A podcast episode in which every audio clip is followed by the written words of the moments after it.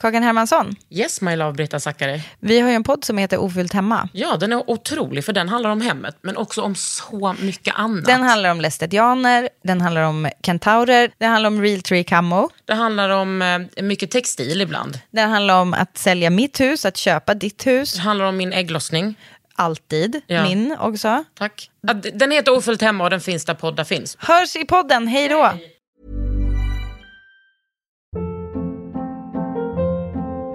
Hold up. What was that? Boring. No flavor. That was as bad as those leftovers you ate all week. Kiki Palmer here, and it's time to say hello to something fresh and guilt-free. Hello Fresh. Jazz up dinner with pecan-crusted chicken or garlic butter shrimp scampi. Now that's music to my mouth. Hello Fresh. Let's get this dinner party started. Discover all the delicious possibilities at hellofresh.com.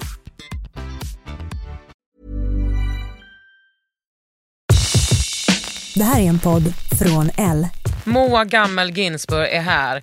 Och det blir inte, alltså det är inte tyst en enda sekund. Vi pratar om klass, feminism, metoo, framgång, tystnad, tagning. Och sen är det också eh, väldigt kul. Två smarta kvinnor i en podd. Välkomna till Under huden. Under huden. Med Kakan Hermansson. Moa, igår kväll så var jag så jävla trött. Så tänkte jag, fan jag måste ändå läsa några sidor av Gertrud. Din bok som du har släppt. Jag borde ha skickat den tidigare till dig kom jag på. Det var ju så här, äh, ja. Ja men vi har ADHD, det är inte Ja. mer med det. Så tänkte jag så här, okej klockan var typ så halv elva. Jag bara, okej jag, har- jag kan läsa, men jag vill ändå kolla igenom så här, att ja, men tio minuter kan jag ge det. För att jag måste ändå få sömn. Läste tio minuter, jag bara, men jag kan läsa till elva. Men sen läste jag liksom 88 sidor och kunde inte sluta läsa. Är det sant? Nej men den är så... eh, och den är, den är så bra men den är också så... Det är inte så jätteofta alltså, som jag öppnar böcker som jag, in, som jag tänker så här, jag kan faktiskt eh, eh, tumma lite på min sömn. Det är fantastiskt, vad kul. Ja. Ja, den är... Den är alltså jag har jobbat väldigt mycket med att, eh, att den också hela tiden liksom befinner sig i någon slags här framåtrörelse. Jo, tack. och tagit bort extremt mycket. Ja. Så att så här, jag hade ju, jag vet inte hur många sidor från början och nu känns det som att man verkligen bara har kvar det som behövs. Men det hade varit kul med dig, intressant att se hur, vad du hade sagt om, om slutet. För den, Ja. Mm. det, den har väldigt många twistar tror jag som man inte riktigt har räknat med. Men det, det som man känner sig trygg med det är ju att jag vet att du är liksom en eh, feminist på hög nivå. Och därför tycker jag jag känner mig trygg med att läsa boken hela tiden. Och för att jag vet att alltså, hon är up to no good. Gertrud. Alltså, jag har ju liksom skrivit om en person som är omedveten och som inte är feminist. Ja. För att eh, det är på ett sätt mycket mer intressant än att ha, alltså skriva om en person som redan är upplyst på något sätt och som redan är inne i någon så här crusade.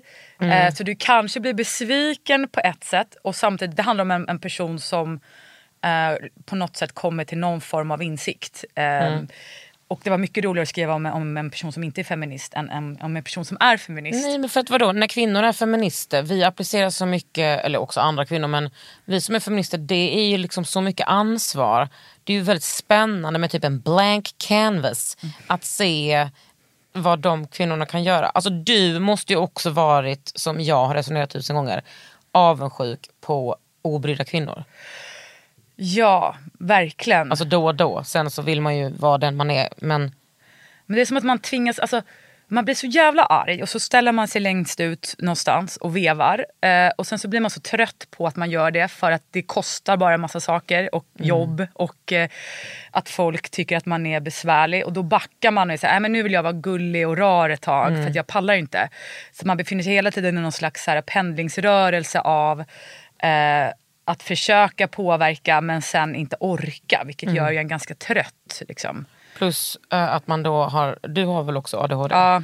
Att man, ja det är väl det som gör att man orkar men sen eh, the backlash blir liksom en, kanske lite tyngre också. Ja, eh, och jag tror också att det är intressant, alltså om man inte har en maktanalys på saker som händer så är det också så lätt att lägga dem på sig själv Mm. och på individer. Men det är väldigt skönt att ha en maktanalys med sig. Jag har ju pluggat organisation och ledarskap på Handels. Ja, men sjukt. också utifrån genus. Eh, och man tror inte att Handels också har genus, men det hade de. Och Jo men det finns väl några otroliga kvinnor där. Ja, och Anna Wahl, hon för sig bort sen från Handels. Såklart. Men när hon var där så var hon fantastisk. Och hennes liksom, böcker kring organisationsteori och strategier som kvinnor måste använda sig av för att förhålla sig till makt. Helt fantastiska. Och jag tror att det är så här, en roll i maskoten, att man får vara med på nåder för att man är liksom rolig och charmig och söt och snygg. Fast sen när man börjar bli äldre, då är man out. Alltså le- lite som ehm, Åsa Linderborg kanske upplever nu. Med, du kunde i alla fall analysera utifrån hennes eh, dagbok. Och så finns det isdrottningen, den här personen som måste förhålla sig till alla andra genom att vara stenhård. Och så finns det förförerskan som använder sig av sin, Knullisen. sexuella kapital. Så det är väldigt intressant när man börjar se de här olika rollerna och börjar applicera dem på verkligheten. För man bara, okej där är du, där är du, där är du. Och då blir det lättare när man har någonting att förhålla sig till som inte heller behöver vara känslomässigt utan bara kan vara teoretiskt. Och det har hjälpt mig jättemycket att man bara får luta sig tillbaka på någon slags Ja. teori. Liksom. Gud ja, men det, alltså, annars, hur fan hade man överlevt annars? Jag tänker också, så- sådan är ju också antirasismen. Att den så här, skänker tröst i att eh, nej det handlar inte om dig utan det handlar om, eh, om den här strukturen. Mm. Alltså alla slags eh, förtryck är ju sådana. Och att du har varit på Handels, it blows my mind. Men också jag tänker, den här organisationsteorin den kan man ju också eh, applicera på typ an, alltså olika samhälls... Ja men på allt. Ja. Men det är också intressant med för att Alltså lite som Gertrud är, att hon är en person som är extremt privilegierad men lever väldigt marginaliserat. Eh, men hon är en sån kvinna som tror att sexism och rasism är samma sak. Och att hon delar underläge med den här personen hon träffar. Och det är också intressant, för det har man också märkt i med vårt arbete med tystnadtagning. Att så här, men gud nej, vi kan inte också börja prata om rasism för då tar vi frågan, det, det viktigaste måste vara kvinnor män. Eh, och så är det som så att det där får komma sen. Alltså precis på samma sätt som i vänsterrörelsen så sa man det där med kvinnosaken, det får komma sen. för nu är det viktigast med klasskamp, ja. klasskampen. Och det lever ju fortfarande kvar i vänstern. Och Ja, hos sossarna. vänstermän. Ja, och att, att det glastaket kring vad liksom, kvinnliga röda ministrar, hur långt de kan gå, är ju liksom stenhårt. Det går ju inte. Och jag älskar de här gamla Alltså jag tycker det är så roligt och ironiskt med de här gamla vänstermännen med sina gitarrer som sjunger kampsånger om Nicaragua och sen så går de hem och så här, typ är världens sämsta man och otrogen hit och dit. Alltså det är så roligt att man inte kan se, alltså jag kan sjunga om ett förtryck på andra sidan jorden men jag kan inte se hur jag själv förtrycker Nej. i min egen jävla relation. Liksom. Gud jag kommer ihåg när jag hade en sån jävla bra lärare på högstadiet, Maud hette hon och jag alltså hon finns kvar hos mig alltså, livet ut. För hon såg mig som 13-åring och bara Karin du ska du måste skriva arbetet om suffragetter, du ska göra detta, du ska Då var jag ju såhär, jag är kommunist. Jag identifierade mig som det är helt alltså Otippat när jag ska... nej, nej men du vet, jag, alltså, jag, det var liksom min enda lösning. Och det var som att hon bara, du vet hon ställde krav på mig. Och jag kommer ihåg att hon sa till mig, hon bara, men Karin, tror du liksom typ att Stalin och Lenin och de här liksom kommunistgrabbarna, tror du att de var feminister? Tror du att de brydde sig om kvinnor? Och jag bara, that shut me up. och sen den dagen blev jag anarkist. Man behöver ju oftast en sån Mm. i sitt liv. Jag tror jag har haft så här, Susanne Brygger och Märta Tikkanen som så här husgudar. Ja. Och eh, när jag gjorde den här podcasten Genier så var det bara för att få träffa dem. Jag bara, hur kan jag få träffa dem? Ja, Ja. Jag skapar en podcast kan jag få sitta och prata om, Men gud, om konsten. Och då, man bara, hurra. En sak som jag tänkte mycket på när jag läste boken är ju hennes eh, eh, ätstörningar. Och hennes här normaliserande ätstörningar och sättet vi typ inte pratar om ätstörningar på. Eh, och det tycker jag är så intressant hur du skriver om hennes ätstörningar. Det bara är där. Alltså, det, är ingenting, det är ingen som problematiserar det och hon problematiserar inte det själv Nej, heller. alltså hon njuter ju av att få svimningskänslor. och jag kommer ihåg för fyra år sedan eh, mådde jag piss och då typ eh, eh, jag kunde typ inte äta för jag hade så mycket ångest och gick ner kanske så 20 kilo. Alltså människor var så trevliga mot mig. Alltså människor var så lyckliga för att jag hade gått ner i vikt. Men då Vad först... frisk du ser ut. Man bara fel. Gud vad du är Tvärtom. ja, precis. Ja. Gud, vad du, gud vad du är fin. Jag träffade alltså mitt, min första flickväns pappa på stan. Han bara, Va, har du gått ner i vikt? Ja det har jag, men Håll käften. skit ur det. Nej, men, och då var det som att jag förstod att jaha, det är så här jättemånga, jättemånga kvinnor lever, alltså miljoner kvinnor över hela världen lever så här. Med att späka sig, att hungerkänslor är så här, prio ett. Som ett, alltså, oavsett om man vill bara kontrollera sin ångest eller kontrollera sin kropp. Eller vad som helst. Alltså jag tycker det är så obehagligt. Och jag, jag har faktiskt aldrig haft ätstörningar. Jag har varit den där som varit för, alltså, så smal när jag var ung att de bara du har anorexia, la la la la la. Och jag bara nej, jag är bara smal, jag har inga bröst, jag är ingen riktig kvinna. Alltså man har haft det andra. Eh, men däremot när man liksom har jobbat som modell och som skådespelerska, alltså herregud. Hur folk inte äter lunch, hur produktionen normaliserar att skådespelerskor inte äter lunch. Fast man bara, ni ser ju här att den här personen sitter och dricker en jävla te Ja. och hon ska jobba i så här, tio timmar och ingen ifrågasätter det. Och jag bara, det är arbetsmiljöansvar att som chef gå in och bara, du, du måste äta. Ingen pratar om det. Alltså, jag blir tokig och folk sitter och så petar i maten och man har också så här, vant sig vid att se se hur sjukt det är och att de är sjuka för man har sett det så många gånger. Mm. Liksom. Så man har sett alla de här strategierna kring hur de inte äter. Liksom. Mm. Hur folk börjar lukta ur munnen efter ett tag. Och Men- få en annan behåring över hela kroppen. Ja, men det, är helt, och det är helt normaliserat och speciellt om du inte passar in i den smala normen från början så är det klart att du märker också att, så att jag får mer roller om jag ser ut på ett visst sätt och därför behöver jag liksom agera på ett visst sätt också på grund av det. Så. Eh, och jag tycker det är jättesvårt, jag vet inte vad man ska göra för att... Så här. Prata om det typ. Ja, men det är som jag, jag tycker att det är ett chefsansvar och ett arbetsmiljöansvar. Men problemet är när det är så här, modeller och skådespelare som är på olika grejer hela tiden. Då finns ju inte någon som tar ett, ett helhetsansvar. Och det är i och för sig så, i så fall agenturen. Ja. Och agenturen säger alltid så här, men vi vill inte att våra tjejer ska vara underviktiga. Man bara, fast du, du castade en 13-åring Ja. som inte har kommit in i puberteten. Och sen när hon är 16-17 och kommer in i puberteten så kommer hon få problem. För hon kommer inte se ut som på bilderna när hon var 13 år och hade inga former. Liksom. Så att du Och tvingar de, in... Ni vill visst att era Ja. tjejer ska vara underviktiga. För modehusen vill ha storlek 32. Ja. Ja, men, du men du måste väl ha sett ännu mer grejer när du härjar runt i utkanten av modebranschen? Ja, Eller? men jag är liksom inte så... ehm, alltså mitt jobb på L är liksom så... Alltså mer kanske att vara... Alltså jag är ju mer, jag är ju inte, jobbar ju inte redaktionellt utan jag har en sida per nummer, jag gör min podd, jag leder galan. Jag gör, jag gör ju rätt mycket så typ... om- Du får pressprover som du måste pressprover. testa. Detta, detta stämmer. Ja. Jag står liksom inne och rotar i ett sånt rum när Moa kommer. när, när Moa bara, kollar upp mina goodiebags. Jag bara, det heter faktiskt pressprover. Jag är journalist. Jag bara, jag säger inget om jag också får med mig lite Du kan pressprover. få kolla lite. Ja, gärna. Oh, det här är såhär Devils Wears Prada. Ja, Men ni har ju inget klädrum, eller hur? Eh, jo, men det har inte jag tillgång Nej. till. Moderummet. Du har inga, inga koder dit. De bara, Kaka kommer sno alla dyra skor och väskor. Ja, precis. Nej, men gud, mitt skoberoende. du är, är det sko och väskberoende du är? Nej, mer, alltså, mycket mer sko. Ja. Mycket, mycket mer sko. Har du plats för dina skor ens? Absolut inte. Hanna tycker att det är... Hon förstår inte heller grejen är så här. Men vi har ändå så här, ja, men jättefin så här, hyllsystem i sovrummet. Hon bara, varför ska du ha kartonger där? Jag bara, vet du vad Hanna, om man köper skor för 6 000 då, då slänger man inte den Då är man kartongen. bevis för att de kostade 6 Ja, men, precis, 000. men då har man dem i sin, liksom, man har skorna i en dustbag, man har dem där liksom. Jag är så jävla slit och slängig, tappar bort allting. Men mina skor ska ändå vara rätt.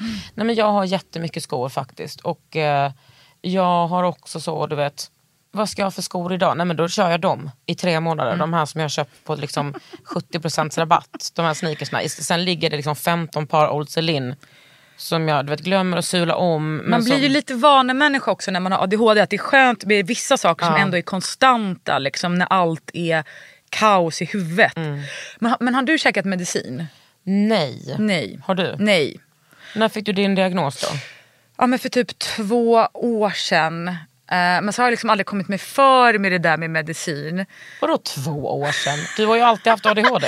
Fast jag visste, de bara, nej men jag var på väg att göra den här sista undersökningen och så, så tappade jag alltid bort tiden när jag skulle gå. Så det tog så här, de bara, du har med 100% ADHD, vi har två tester kvar att göra och sen gjorde jag inte dem förrän för två år sedan. Classic alltså. Classic, och så bli kallad, tappa bort breven. Eh, men samtidigt känner jag att det här med, med medicinering, att det kan... Det är någon, folk brukar säga med medicinering att du helt plötsligt tar, det är som att du tar ett steg tillbaka och inte behöver få de här kickarna i allt du gör hela tiden.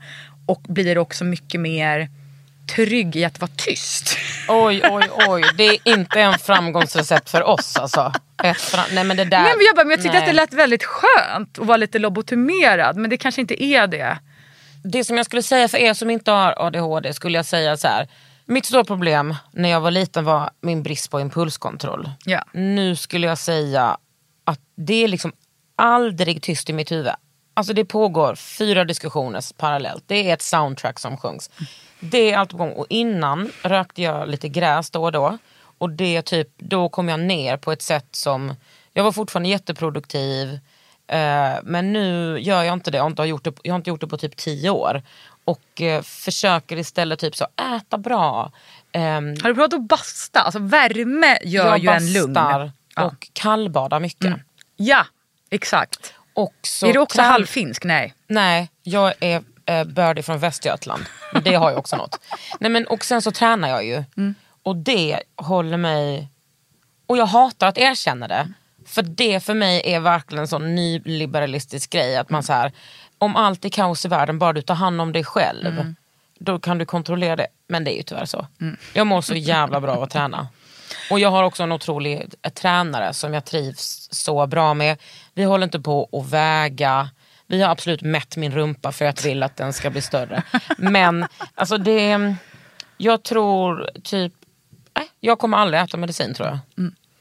Nej, men tror man måste hitta strategier för, också med, för det är fantastiskt att vara liksom så kreativ som man är. Men det är ju ett tveeggat svärd. För kreativitet kan ju också leda till att du blir paranoid, att du blir svartsjuk, att du blir... Eh, du ser massa scenarier framför dig om framtiden som inte kommer hända men som du tror kommer hända vilket gör att du liksom lever i någon slags dystopi hela tiden. Alltså så har det i alla fall varit för mig. Att man, så här, ens fantasi kan gå åt alla håll. Jo, alltså man, man ser möjligheter. Ja. Och risker liksom, på samma sätt.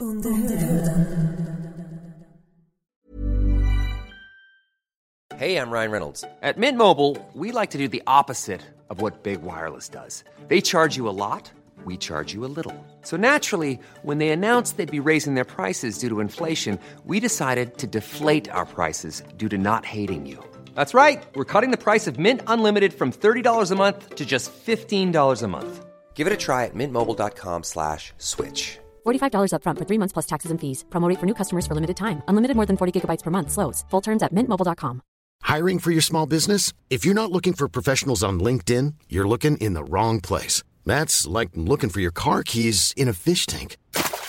LinkedIn helps you hire professionals you can't find anywhere else, even those who aren't actively searching for a new job but might be open to the perfect role. In a given month, over 70% of LinkedIn users don't even visit other leading job sites. So start looking in the right place. With LinkedIn, you can hire professionals like a professional. Post your free job on linkedin.com slash people today.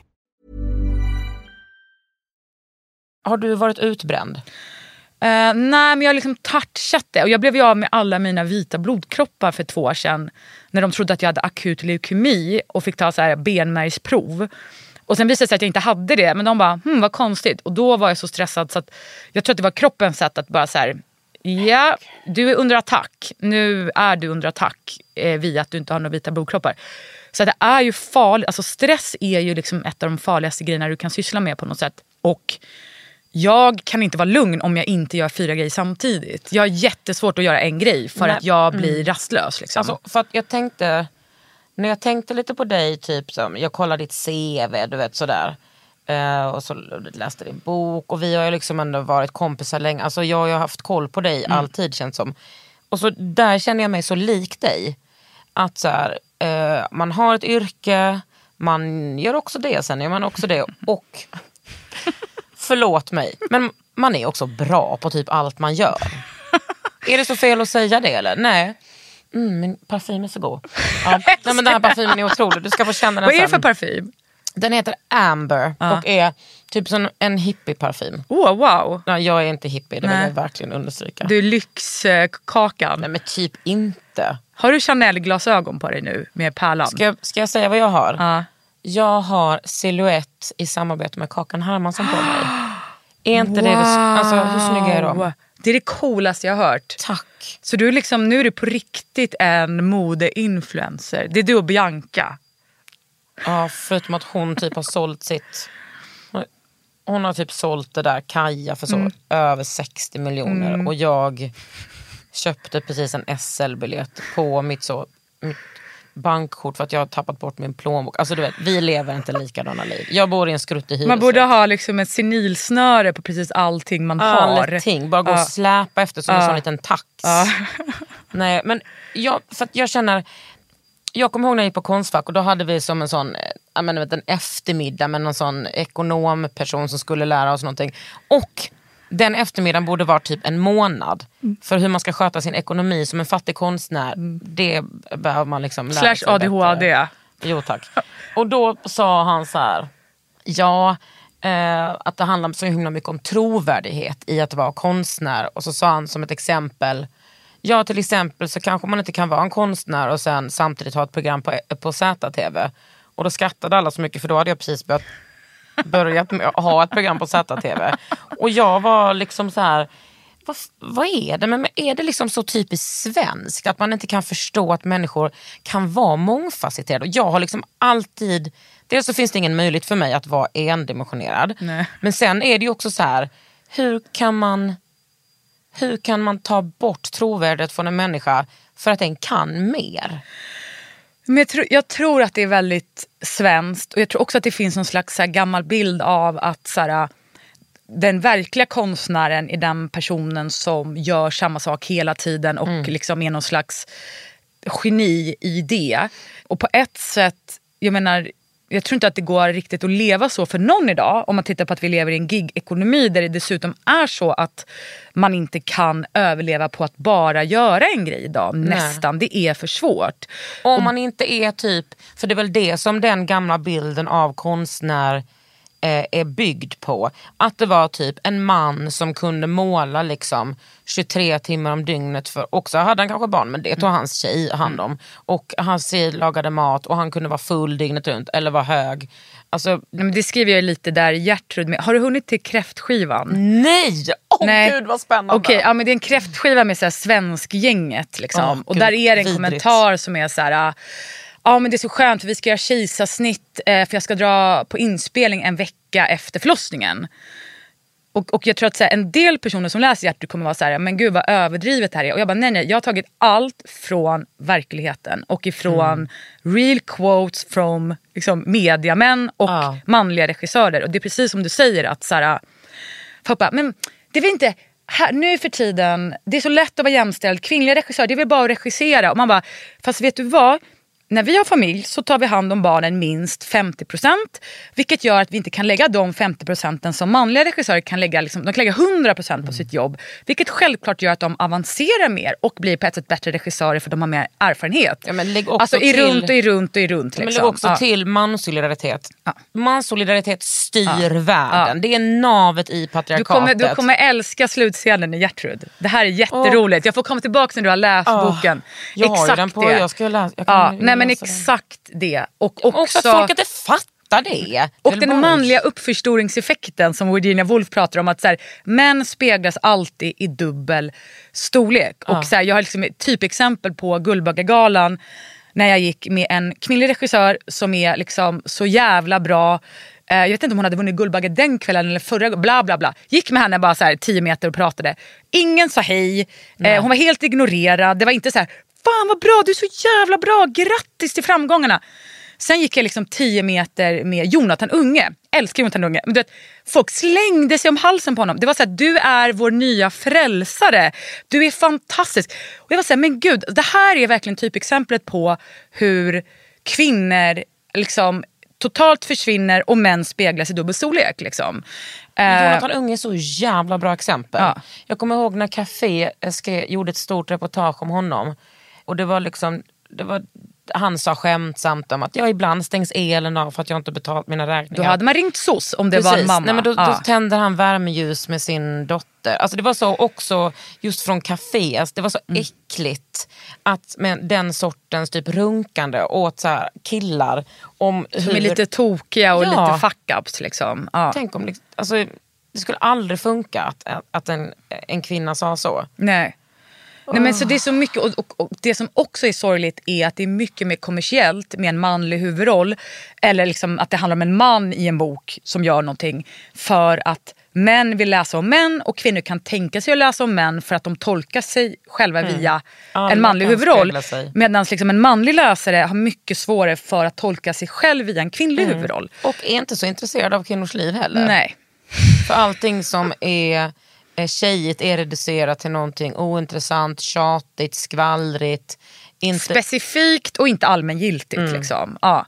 Så, att det är så, här, så att man slåss ju mot väldigt många saker samtidigt. Och sen är det jobbiga när man slåss också mot en massa saker samtidigt är att man sen också blir paranoid och börjar se väderkvarnar överallt och blir så här Don Quijote.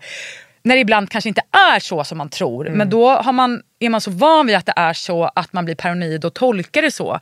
Så att man måste också hela tiden vara så här, vänta, stämmer det här? Eller är just det här exemplet ett exempel på att mitt projekt faktiskt inte var tillräckligt bra? Att det inte handlade om att det var... Ah, Så det är liksom, det är ett jävla vi liksom härke. Ja. Vi har liksom ändå så många privilegier, skönhetsprivilegier, smart as fuck och liksom nu också med så här, du har ju ett sånt jävla gediget CV. Nu känns det som du bara kan välja och vraka men så är det ju inte. Nej men absolut inte. Och sen, jag menar, hade jag inte drivit, alltså hade jag inte hittat jobb till mig själv, alltså efter tystnadtagning. Jag fick den här dykrollen innan tystnadtagning. Och sen med tystnadtagning eh, så liksom skrev jag det där uppropet och samlade in alla vittnesmål.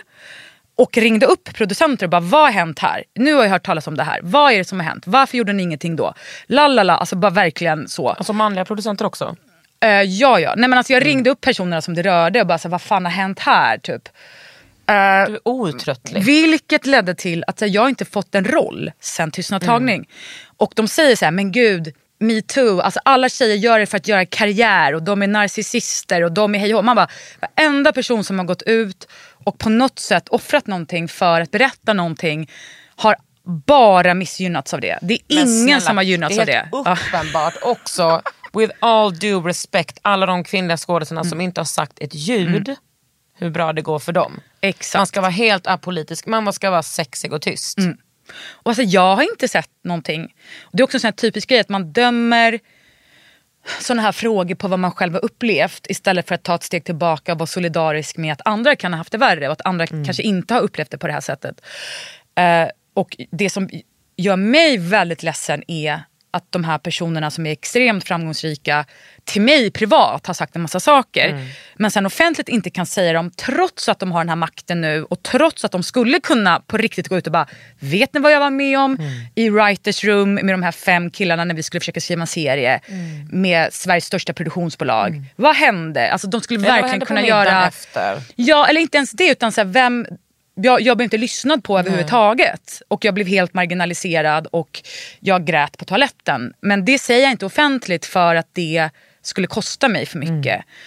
Eh, och det där är, och jag menar jag, jag lägger ingen skuld på dem. Jag förstår att det är tufft men när man har en maktposition då kan man faktiskt också vara mer ärlig och tydlig. Och nu när jag också är på radion och har eh, ett fast, en fast månadslön för några år framöver. Liksom, Så har man också en skyldighet att kunna gå ut och vara mer ifrågasättande. Tycker jag. Men, liksom, Men du har ju alltid varit det. Ja, ja, jo, och det har ju kostat liksom som fan.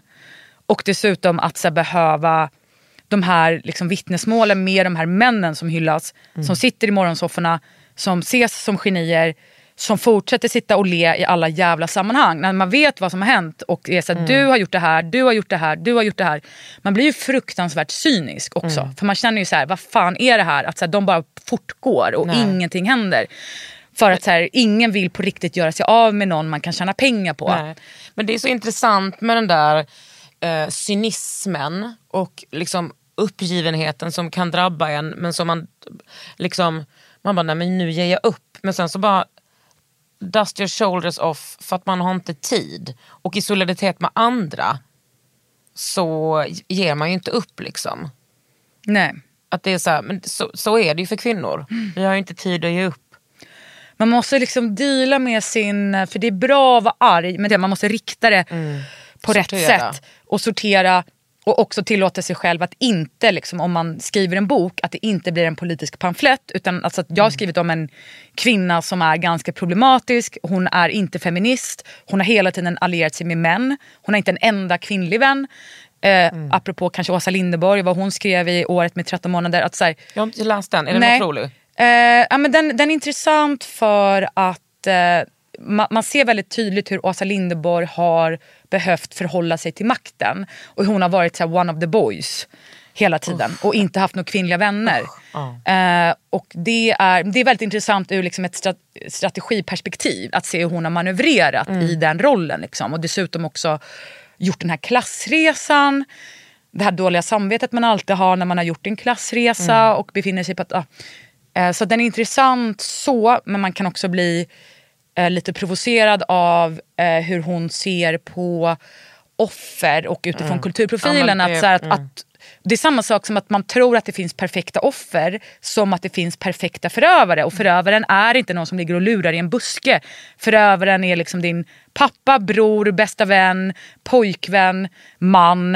Alltså det är det som gör det så jävla svårt att, så här, att man är så allierad med personer som man borde ifrågasätta. Att det inte går att ifrågasätta dem. För att de ser inte ut som du hade tänkt att de skulle se ut. Nej, och liksom. känslan är, jag menar det hände ju mig bara häromsistens.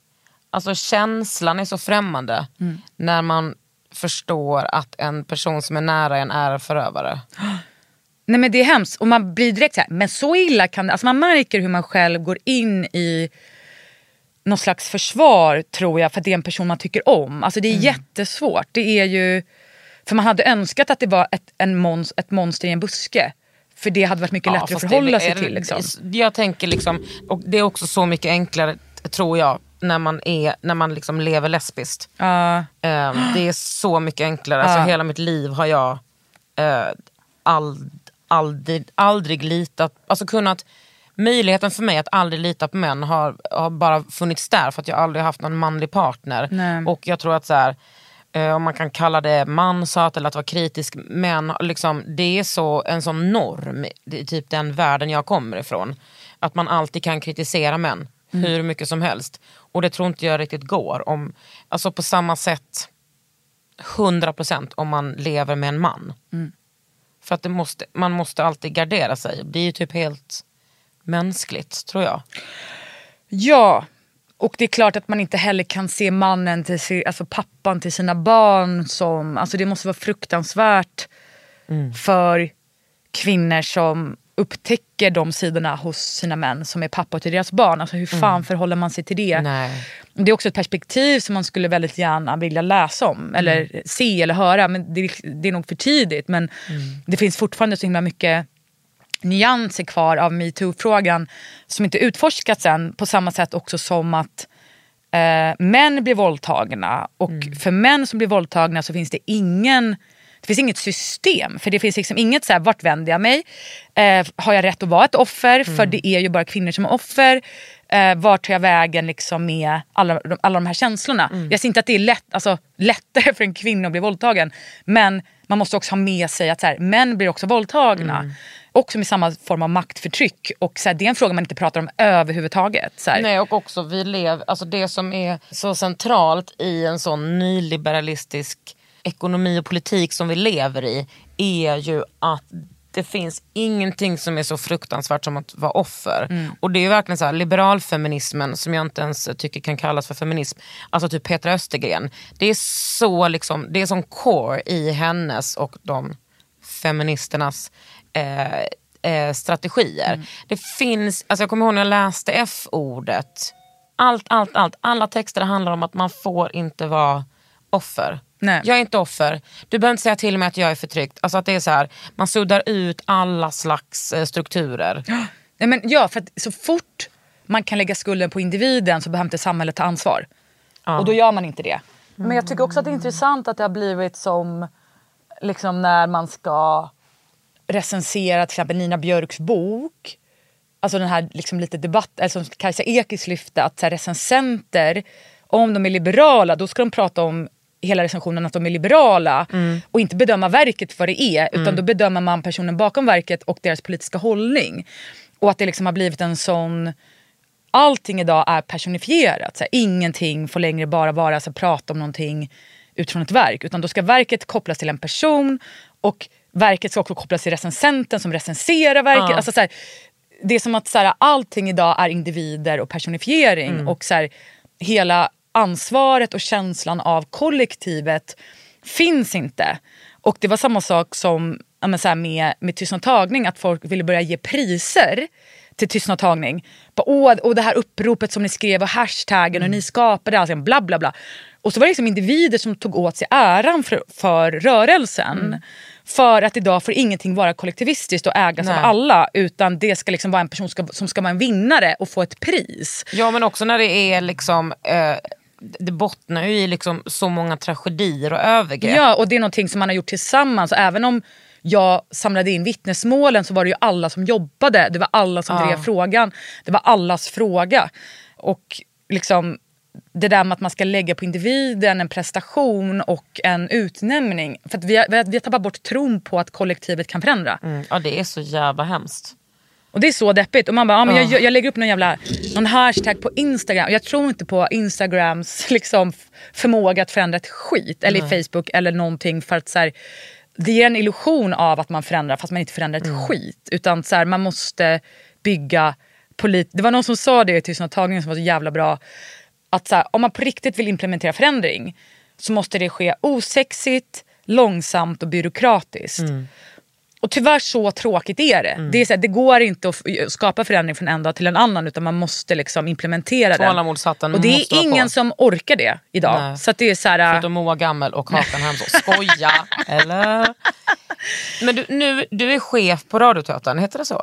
ja, eller jag, jag konstnärligt utvecklingsansvar. Jag är kreativ chef kan man säga. oj, oj. På Sveriges Radio Drama. Ja det är jättekul. Fan vad kul. Det är jättekul. Men vad innebär det? Vad gör du om dagarna? Det innebär att ehm, jag jobbar med P4 som är liksom så här sexminutrare avsnitt. Mhm. Vi jobbar i serieform nu. Folk har ju fått för sig att vi fortfarande gör radioteater och det gör vi absolut inte. Utan Och vi den- gör ljuddrama Precis. i serieform. Det är inte den där Radioteatern ger. Boom. Nej, eller typ väldigt mycket Dramaten och stå framför notställ och läsa repliker. Mm. Utan nu är det, det är mycket mer ett naturligt tilltal och det är i serieform. Förut var det liksom i pjäsform och nu är det i serieform.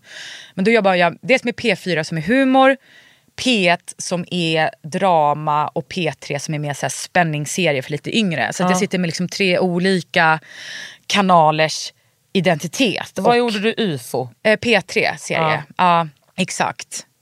Får jag fråga nu en dum fråga? Tror jag på ufos? Nej, ham- handlade det om liksom utomjordingar och outer space? Jag lyssnade på något avsnitt, kommer jag ihåg. Nej, alltså det, handlar, det handlar om verkliga vittnesmål som är dramatiserade. när folk har sett någonting. Ah. Och olika kända fall av. Men det som var så roligt att så när vi släppte liksom vårt sista avsnitt då, bara, då gick ju Pentagon ut och bara det finns ufon. Så vi, har, vi har haft rätt hela tiden. De har ju filmat unidentified flying objects på riktigt. Som de har tjuvhållit på och inte berättat om. Och nu har de gått ut med att det finns. Nej, vänta, vänta. Hur kan, jag, hur kan världen ha missat detta? När gick... Världen har inte missat det, fast världen är så galen. Och Trump tar liksom över varenda rubrik. Så det här Ja. kom lite i skymundan. Men det är sensationellt. Men alltså Area 51, heter det det? Är det där det har skett eller? Nej, utan det här är mer eh, där piloter, militären etc. etc. De har filmat filmer och eh, Pentagon kan inte förklara vad det är. De bara, det är inte det här, det är inte det här. Okej, det, är, det är ett ufo. Sen, sen behöver inte ett ufo kopplas ihop med en alien. För ufo kan ju vara en hemlig militärisk, ett, liksom, eh, vara flygplan som ingen känner till. Nej. Det kan ju vara det. Men jag menar, eh, det finns, det finns ufos. Inte bara Kakan och Moa. Nej, precis. Men, hur Men får jag fråga, det? hur har du hanterat din skam kring att vara, inte ha konsekvensanalys och bara gå på impuls? Alltså jag kan säga, den skammen. Nu skulle jag säga att den skammen kanske ligger och puttrar på 1-2%. Den låg på 98% hela min barndom. Den var så skamlig. Och tänk också så, kombinationen med att vara eh, tjej, ADHD och tjock. Det är absolut det som var det mest, eh, alltså den kombinationen var liksom eh, devastating. Och så från att jag var sju år så har jag blivit häcklad för det av framförallt av pojkar, alltså lite äldre pojkar eh, men också flickor men absolut mest pojkar. Av lärare, av kompisars Gud, föräldrar, av föräldrar bara som inte, va- vars barn jag inte kände. Att det har funnits ett sånt kollektivt, eh, jag säger oro, men också äckel och hat över min kropp. Alltså då pratar vi alltså om att jag är sju år. Och så är det ju fortfarande, det går ju igen från att man säger, vet du vad jag tycker inte att du ska äta en semla till en sjuårig flicka. Eller till, eh, åh gud vad, vad, vad du ser så himla lycklig ut när jag har gått ner i vikt. Alltså det här fett, fettfobin, alltså fetthatet är så jävla insprängt i vårt tänkande. Liksom. Och där, jag kan, alltså, det var helt, eh, alltså min skam. Jag, alltså, jag kan inte fatta att jag eh, lever ett sånt liv som jag gör nu utan eh, eh, mörker. För att jag har ändå terapiat bort väldigt mycket av min ångest som jag bar med mig från, alltså jag var ett väldigt oroligt barn. Den, hur jag har hanterat den skammen, det vet jag typ inte. Jag tror att jag har pratat bort den skammen genom att ta mycket socialt ansvar. Eh, och så tror folk att när man pratar så vill man bara ha uppmärksamhet. Men det har varit väldigt mycket för att ta socialt ansvar. Eh, och att liksom eh, kompensera. Eh, men den skammen har varit så grundläggande i mitt liv. Och det typ fattade inte jag riktigt förrän jag satte ord på det när jag skrev min bok eh, Hela kakan. Det var kanske to, ja, men sex år sedan. Att det var så centralt liksom. Men den, it hit me alltså när jag skrev den att det var så här. Uff, det var liksom det kapitlet som jag skrev absolut sist för att jag bara sköt upp det hela tiden. Men det var så Sen är det också många olika eh, orsaker. Bland annat hade jag en lärare på hela lågstadiet som liksom behandlade mig som skit. Och det gjorde ju sitt. Har du kontaktat den läraren nu? Eh, nej, det har jag inte. Men jag blev intervjuad i någon tidning som hon hade läst. Och då fick jag ett mail. Jag fick ett sms av pappa. Hej, jag har mejlat dig. Då har du, den här kvinnan läst den här artikeln där jag hade pratat om henne. Blivit, där jag skrivit om henne, hur hon hade behandlat mig. Blivit så upprörd och skrivit ett mail. Fast hon hade inte hittat min mailadress. Som hon skri- skickat det till pappa. För hon Ja. visste vad han jobbade med. Och som hade skickat det till mig. Och det var inte ett mejl av ånger och eh, ursäktande utan hur kan du påstå att jag har gjort det här mot dig? Och då är hon ändå typ 100 år nu. Nej det är hon inte men hon är liksom old as fuck. Och eh, kan inte, jag menar det här är ju 30 år sedan. Det måste också störa henne så mycket att du har den plattformen som Verkligen. du har. Alltså, Och det här var kanske mm, tio år sedan när jag gick på Konstfack. För Jag kommer ihåg exakt vad jag stod när jag öppnade mejlet. Och hon kunde inte förstå eh, att det, var- är det verkligen mig du pratar om? Jag som alltid har stöttat dig. Och jag sa Karin kommer bli författare, hon skriver så bra. Det gjorde hon säkert. Men hon var också en vidrig person. Alltså hon, hon, jag vet inte hur många gånger hon sa till mig, sätt på dig kläderna och spring ett varv runt eh, skolan. Och jag gick på en st- stor skola. Det, liksom, eh, det var så skamligt också för att det var så förkropps, förkroppsligat att vara en tjock person som sprang runt skolan. Ibland fick jag springa två varv och då sprang man förbi alla klassrum. Så att alla de kunde se. Nej vad hemskt. Ja. Ja. Så, och hon visste liksom, alltså, men det var ju en strategi som hon hade, alltså, det är ju typ en nästan olaglig kränkning att göra så mot ett barn. Jag vet att hon blev anmäld till så här, skol, verket eller vad det hette flera gånger. Men hon, det, det är så intressant att hon Såg hon det som att så här, jag hjälpte dig? Eller, liksom var, eller har hon bara sagt jag gjorde aldrig det här? Alltså, så här Jag vet inte. Hon var ju liksom nog ganska old school i sin, eh, i, i sin undervisning. Med, eh, alltså på tal om skam, så det, det var verkligen så jävla... Jag fick sen, jag menar, hela typ mellanstadiet hade jag ju kvarsiktning typ varje dag. Och det var inte det att... Jag var skitduktig i skolan. Alla rätt på alla prov. Och det var ju så här... Men det var just den där kombinationen av att vara en tjej, tjock och och ta plats. Ja, och ta plats på ett sånt där sätt. Och jag kommer ihåg att jag sa till min lärare i femman, varför, är, varför säger du det här till mig? Varför säger inte det till den och den och den killen som gör samma sak fast mycket värre? Varför säger du det till mig? Och då visste hon inte vad hon skulle säga. Att liksom, jag problematiserade typ med, med en så här feministisk grund när jag var 11 år. För att jag tvingades bli feminist. För jag fattade så, här, så jävla tidigt att det där gör du mot mig för att jag är tjej. Du har andra förväntningar på mig. Hade du, som, kommer du från ett hem där man har en feministisk analys hemma? Eller? Alltså jag skulle säga mer nu för att jag och min syster är så liksom, starka feminister. Men absolut, min mamma var ju med, både och min mamma var ju med i grupp 8, alltså på 70-talet, ja, men gick runt och typ så sålde bullen, Bullentinen, hette det det? Men hon var ju också så, hon kom ju från en så arbetarklassfamilj, arbetar underklass, från en missbruksfamilj och hon kände ju aldrig sig välkommen i den. Det var ju väldigt medelklass. Men det har ju aldrig funnits så vi har haft mycket politiska diskussioner. Vårt, våra diskussioner har alltid handlat om klass. Klass, exakt. Eh, men Det är intressant det där med att det är, väldigt, att det är svårt för många att hålla två eller tre eller Ja. fyra saker i huvudet samtidigt. Precis.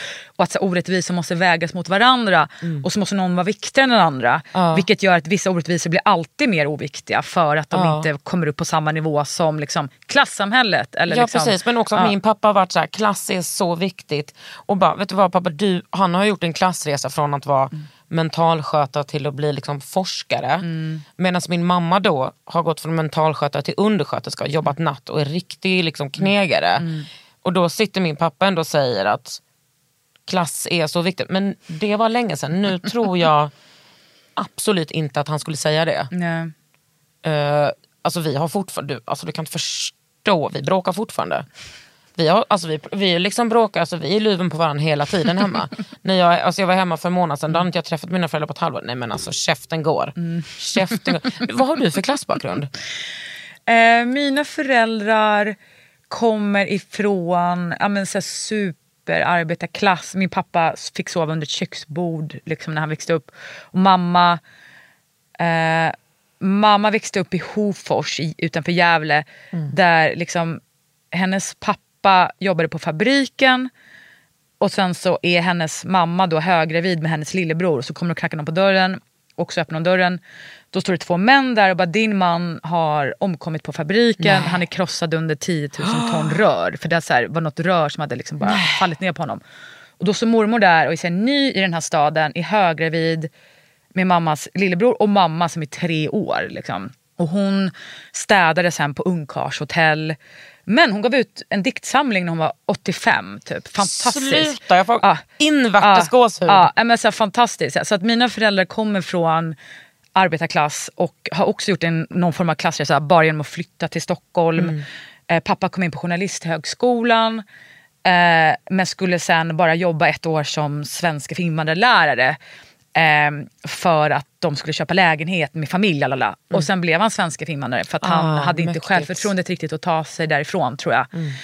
Eh, fast han kom in på sin drömutbildning så det var så nära. Liksom. Fast han har också byggt liksom svenska samhället. Ja, ja men, och det är fantastiskt. Det är fantastiskt. Så att, och jag, jag tror att han idag också känner att han har haft ett viktigt jobb. Alltså när han nu är pensionerad. Mm. Att han var okej, jag blev inte journalist men jag har hjälpt människor i 40 år. Mm. Liksom att, så här, in, och han också så här, Folk ska lära sig svenska genom teater. Så de har liksom gått Mm. på jättemycket teater och pratat om teatern och tagit med dem till Dramaten så att de ska få vara en del av Dramaten. Och, så här. och mamma har jobbat på, som förskollärare. Eh, Så att det är liksom medelklass så, men de har i sig det här arbetarklassiga av att allting kommer gå åt helvete imorgon. Även om det går Ja, bra nu det är så så kommer det gå åt helvete imorgon Ja. och du måste spara och du måste ha ett tryggt jobb. Mm. Och liksom, pappa är alltid så här, nu tar du det säkra för det osäkra och ta inga risker. Mm. Och, så själv när jag eh, var frilans och skulle skicka iväg de här jävla betala räkningar varje månad. Alltså jag har sån ångest. Alltså jag har Mm. sån ångest med de här pengarna som går ut. Och bara, nästa månad kan allt vara över. Att Mm. man aldrig kan vila i att man kommer ha det tryggt och bra. Och, Och att det det är en löser sån sig. viktig aspekt av klass. Oron.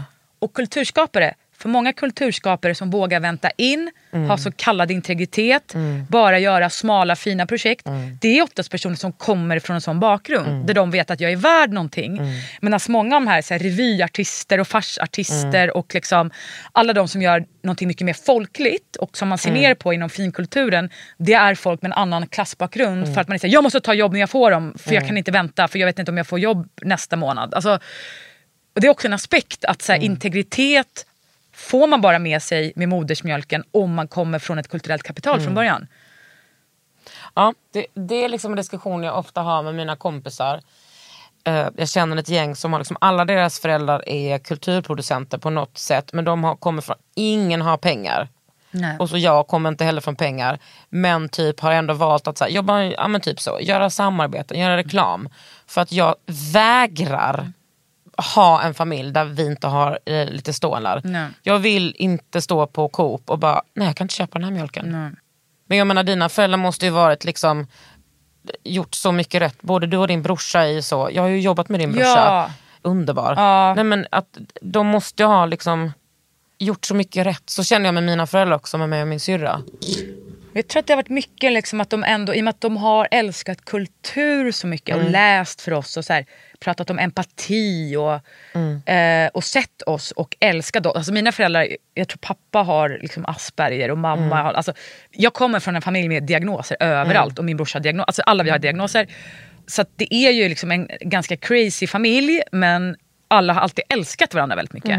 Och det tror jag är så här, hade vi inte haft kärleken så hade det liksom varit inget bra. Men nu är det bara så här, plus att jag känner lite grann så här, är inte alla familjer galna på något sätt? Alltså det känns som att alla familjer är lite olyckliga på sina egna Åh vis. gud, min familj är så galen. Ja. Men den är ganska alltså, gött galen. Och också typ, det som jag, som jag trodde när jag var liten, att man, det här är mina föräldrar och min syster och så lever vi så. Vi, jag känner att vi har jobbat jättemycket med våra relationer. Vi blev vuxna, jag och min syster. Man får en annan respekt för sina föräldrar. Och liksom man jobbar på relationen. Och sen så typ beroende på vad jag och min syster har för partners. Alltså man blir en större familj, man blir en mindre familj. Man, det, man expanderar och liksom det är ju som vänskaper eller kärleksrelationer. Att man måste vårda sina så här ursprungsfamiljsrelationer också. Och det kan man nog typ den relationen kan man nog verkligen ta för givet. Men alltså gud, jag, mina föräldrar är otroliga. De är de har verkligen, jag är uppfostrad med liksom antirasistiska föräldrar.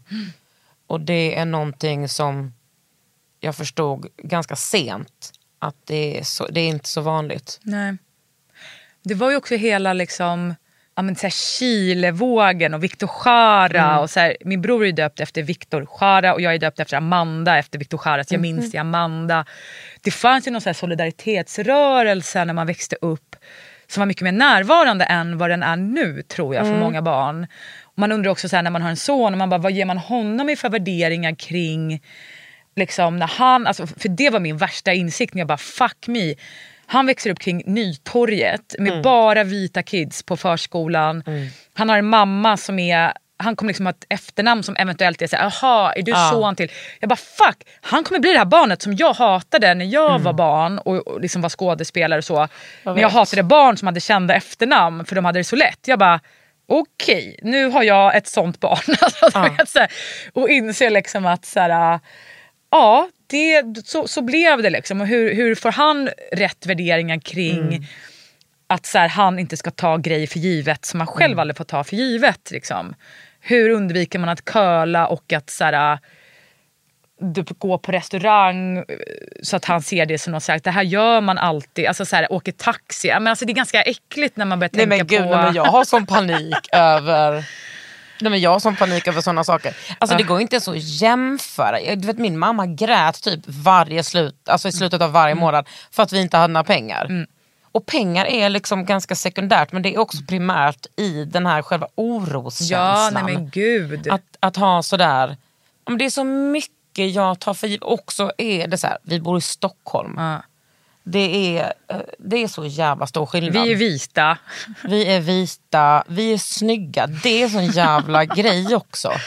Att man, det, det, det är verkligen viktigt att erkänna privilegier fast sen känner man också sig som en idiot när man gör det. Man bara, jag har en normkropp! Alltså man bara håll käften! Alltså, du vet, så här, håll käften! Men det är så här, man måste också på något sätt vara öppen för att så här, man har privilegier som andra inte har. Och det känner jag också är så viktigt att så inte fan är det som, som jag, här, Nanna Blondell som ska stå längst fram i täten för antirasistiska frågor. Utan det är ju vi som kan det, som är vita och som inte behöver attackeras på samma sätt för hur vi ser ut. Ja men där, jag tänker jättemycket på dig när det kommer till det där. Att eh, alltså om man jämför typ så med Bahar som jag är nära vän med och som jag jobbar skitmycket med. Att jag kan typ jämföra er två med hur, vad ni har för strategier och att det är så här. Du kan ju verkligen köra på så jävla mycket med och förlora mindre än till exempel Bahar. Ja gud ja, alltså, jag har ju aldrig fått ett hatmail i hela mitt liv. Jag har inte fått ett hat-DM, jag har inte fått en dickpic, alltså, jag har inte fått någonting. Och jag har sagt ganska, jag har gått ut och sagt att, Ah. att jag hatar moderater. Alltså, jag har varit ganska också så här, äh, hård mot personer namngivit. Alltså, så, ingen har brytt sig. Alltså, jag kan göra vad fan jag vill. Jag har fått allt det där fast jag har aldrig... Jag, kanske, nej men jag har typ aldrig fått dickpic. Och får inte för att ni ska skicka något jävla dick. Jag vill inte ha det. En klittpick, Nej tack. jag vill inte ha någonting. Jag vill inte ha någonting. Ja, du har lyssnat på Under huden med mig Kakan Hermansson och Och Moa Gammel Ginsburg. Du har lyssnat på Under huden med Kakan Hermansson. En podd från L.